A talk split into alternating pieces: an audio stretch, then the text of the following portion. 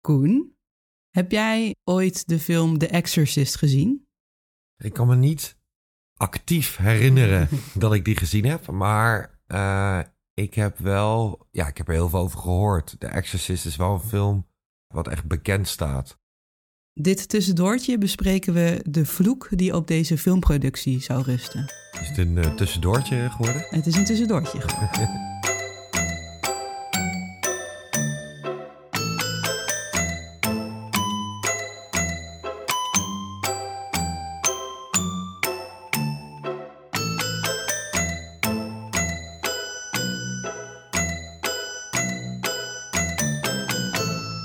Welkom bij dit tussendoortje van de vermoorde onschuld. Ik ben Koen. En ik ben Evelien. Misschien was het onze luisteraars al opgevallen dat we de term voor de korte tussentijdse aflevering hebben gewijzigd van bonusaflevering naar tussendoortje. Ik heb via een Instagram story aan volgers gevraagd wat hun voorkeur had en daar kwam dus tussendoortje uit. Wil je zelf een volgende keer ook graag input leveren en vul je graag polls in? Volg ons dan op Instagram.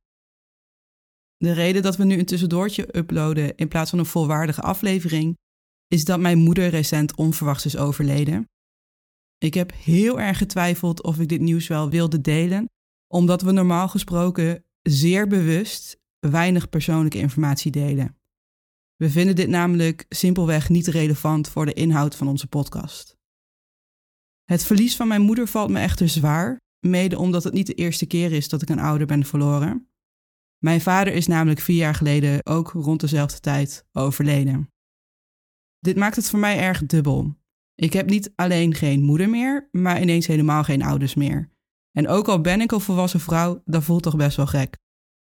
Iedereen heeft zijn eigen proces als het gaat om rouwen, maar ik denk dat het voor iedereen geldt als ik zeg dat het heel veel energie kost.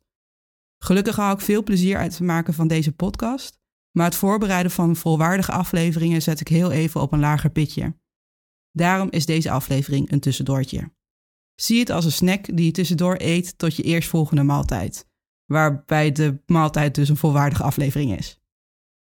De inspiratie voor dit tussendoortje is de podcast What Went Wrong. In deze podcast bespreken hosts Chris en Lizzie filmproducties waar achter de schermen heel veel mis is gegaan. Ik raad deze podcast echt aan. Luister ook zeker naar de aflevering over The Exorcist, de film die we zo meteen gaan bespreken. Check daarnaast ook de bronnenlijst op onze website, maar ik zal de bronnen straks ook expliciet benoemen.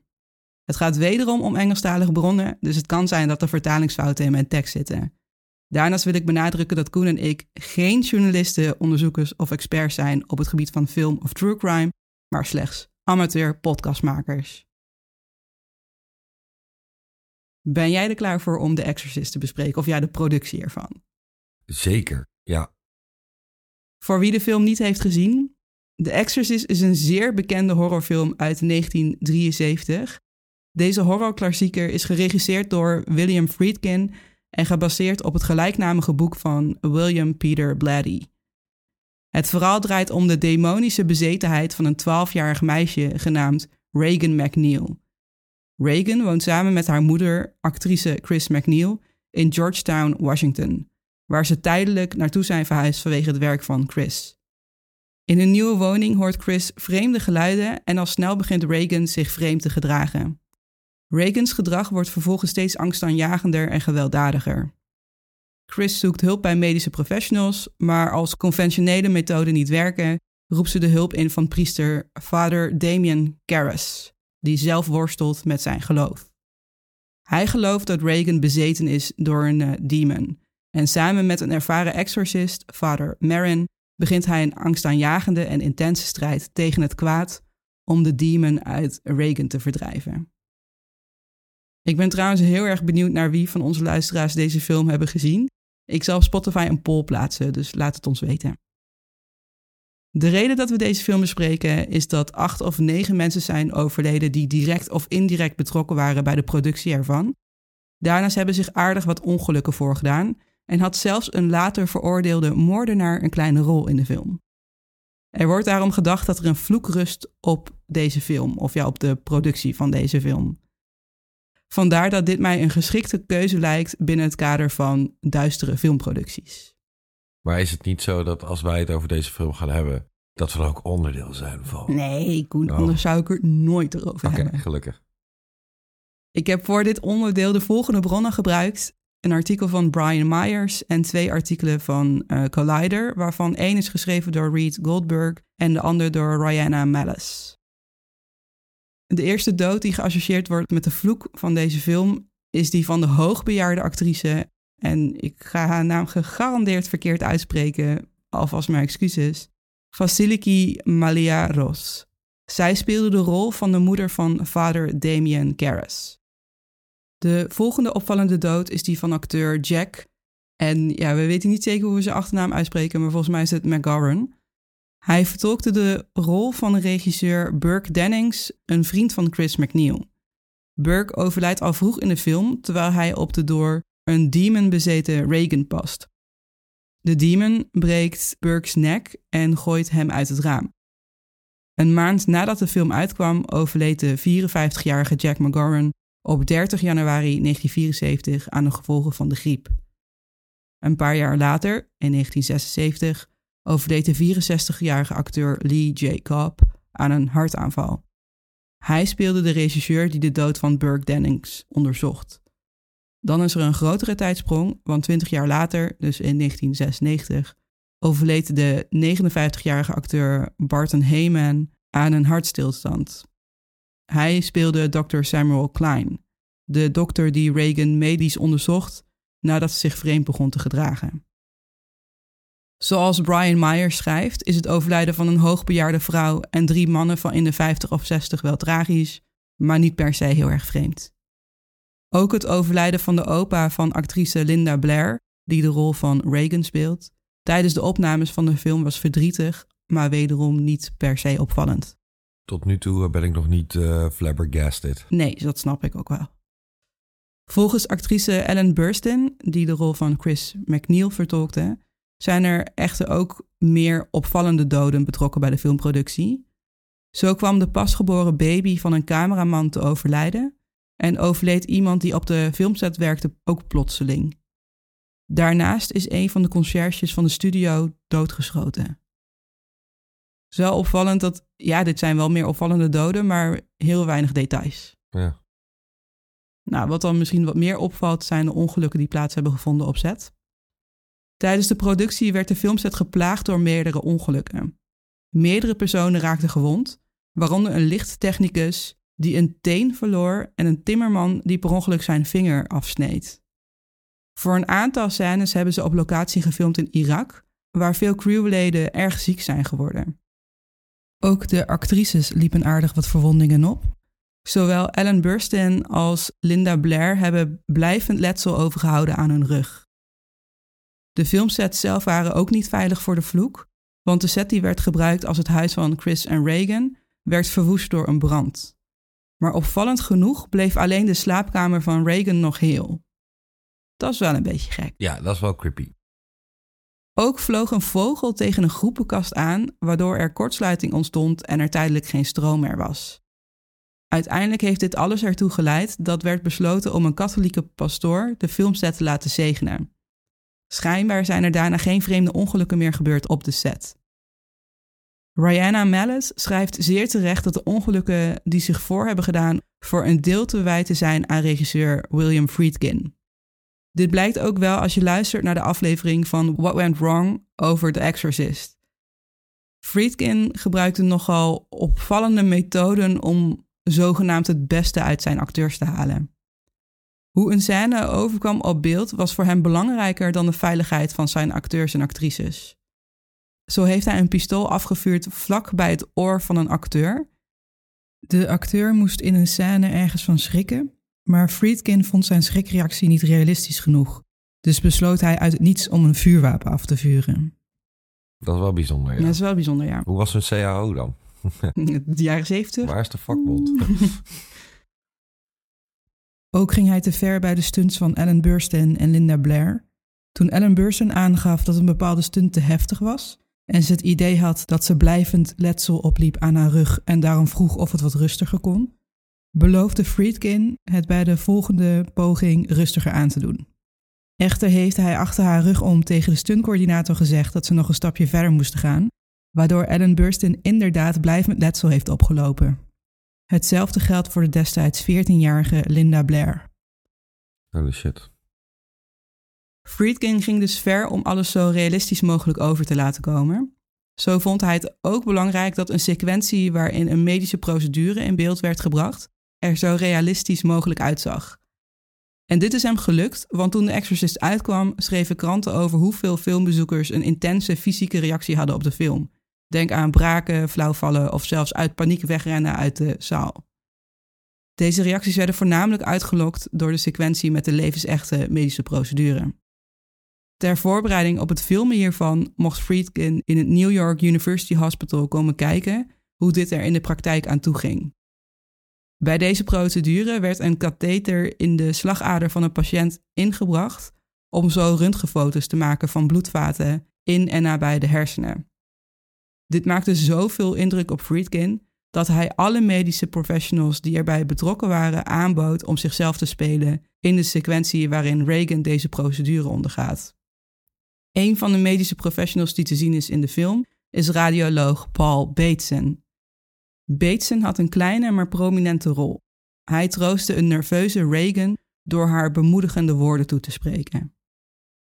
Vier jaar later, in 1977, had Bateson zijn baan verloren als gevolg van overmatig alcoholgebruik.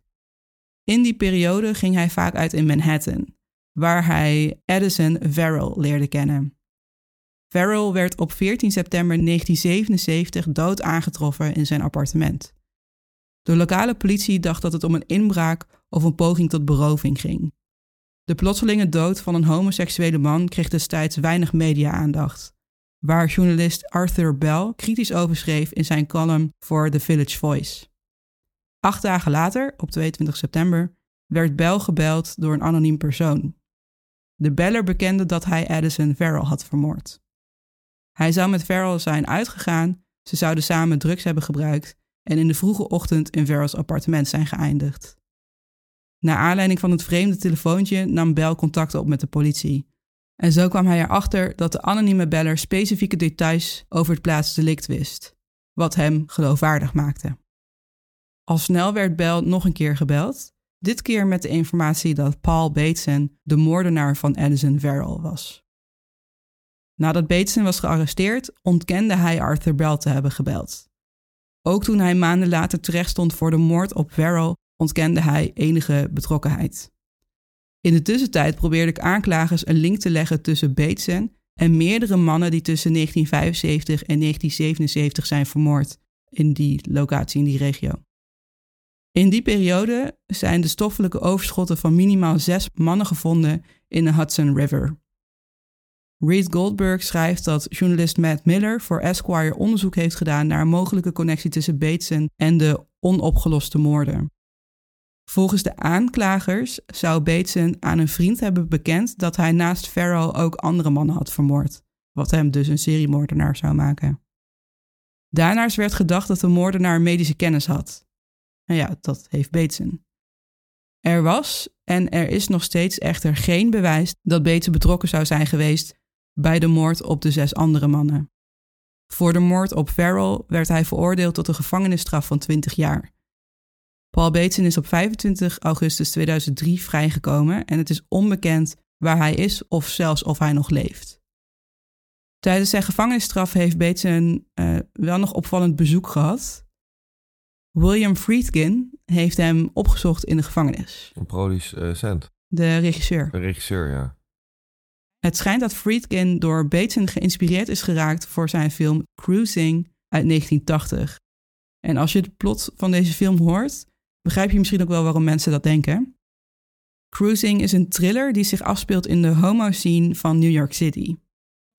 Jonge politieagent Steve Burns gaat diep undercover om een reeks gruwelijke moorden op homoseksuele mannen op te lossen en raakt daarbij steeds meer verloren in de lokale SM-scene. Oké. Dus op zich wel typisch, denk ik, dat Friedkin meteen denkt... Hmm, hier, hier zit, hier, kan uh, ik, hier hier zit zit een verhaal in in. voor een Ja. film. ja. Ja. Dat is natuurlijk denk ik ook wel hoe het creatieve brein werkt. Maar nu, Want voor wanneer wou hij dit doen? Welk jaar? Die film, die is uitgekomen in 1980. Oh, dat vind ik nog best progressief. Ja, ik heb die film niet gezien, dus ik weet niet of het een... eh, ik weet niet of de inhoud ervan heel erg in het voordeel is Nee, van de homoseksuele mannen in New York City. Geen idee, ik heb de film niet gezien, dus Nee, ik kan er niks over zeggen. Ik weet wel dat Al Pacino erin speelt. Ja, Oh, maar dat is best wel een grote naam. ja zeker. Dat viel mij wel op. Ja. Ik dacht, hij speelt de hoofdrol. Hij speelt, eh, zeg dit goed? Volgens mij was het Al Pacino. Ik ga het even voor de zekerheid opzoeken. Mocht je de film hebben gezien of gaan kijken, laat het ons weten. Want wij zijn best nieuwsgierig, maar wil de film niet ik kon niet, eh, volgens mij was het niet per se een hele eh, bekende film. Ja, het is Al Pacino die eh, Steve Burns speelt. Wat denk jij, Koen? Vloek of geen vloek? Tot nu toe nog geen vloek. Ik denk dat het gewoon toevallig is dat er veel misging. En ik denk dat dat er veel misging op de filmset ook voor een heel groot deel te wijten is aan William Friedkin. Ja, gewoon slechte faciliteiten Ja. voor, je, eh, voor je mensen. Ja, te weinig oog voor veiligheid. Ja, precies. Het enige wat ik wel vreemd vind is van die filmset, met die brand. Ja, dat die kamer nog... eh, ja, dat die nog- overbleef. ja, weet je, als dat het enige is wat echt, wat echt freaky is. Kijk, als er nou vijf, zes dingen waren die echt freaky waren. En dan kan je misschien correlatie vinden. Maar dit waren gewoon mensen die dood zijn gegaan. En ja, Dus op, op zich snap ik dat je er een mooi... eh, past ook wel heel erg bij de inhoud van de film natuurlijk. ja, precies. En The Exorcist. En, eh, is dat die film waar dat hoofd eh, ronddraait? Ja, van Ja, dat meisje. Ja, En dat zij eh, helemaal spider zo. walk, ja, ja, ja. rap walk of zo, zo'n rare manier van Ja, de precies. trap afgaat. Mochten wij verhuizen en jij doet dat, ja, dan weet ik. Oh, eh, dat ga ik nu al oefenen. nee, nee, ik denk geen vloek. Nee, ik denk ook geen vloek. Dit was ons tussendoortje over de vloek die zou rusten op de productie van de film The Exorcist. Natuurlijk hebben we weer een gezegde voor jullie, wederom gegenereerd door ChatGPT. De realiteit is enger dan de verbeelding, waar schaduwen niet verdwijnen na het uitschakelen van het licht. Applausje voor chat Ja, GPT. die is wel goed hoor. Ja, ik heb heel veel moeite gedaan om er een goede uit te krijgen. ik heb dus als luistertip de podcast What Went Wrong. Ehm, maar daarvan wil ik een aantal specifieke afleveringen extra tippen. Waaronder de drie afleveringen over het maken van de Lord of the Rings trilogie. Ik had al deze zomer echt niks met deze films, zoals Koen heel goed weet. Maar het maakproces is net zo interessant als de film zelf. Daarnaast vond ik de afleveringen over The Wizard of Oz uit 1939 en The Birds uit 1963 erg interessant. Omdat het ingaat op hoe belachelijk veel macht filmstudio's vroeger hadden en waarom Alfred Hitchcock een verschrikkelijke eikel was. Vind je het leuk om naar ons te luisteren? Vergeet dan niet om ons te volgen in je favoriete podcast-app en een goede review achter te laten. Daar help je ons echt enorm mee. Je kan ons ook volgen op social media. Wij zitten op Instagram, TikTok en Facebook. Meer informatie vind je in de show notes. Oh, en we hebben een fooiepot. Oh ja, voor je pot met een D. Mocht je tips of suggesties hebben, dan kan je deze mailen naar de vermoorde onschuld podcast@gmail.com.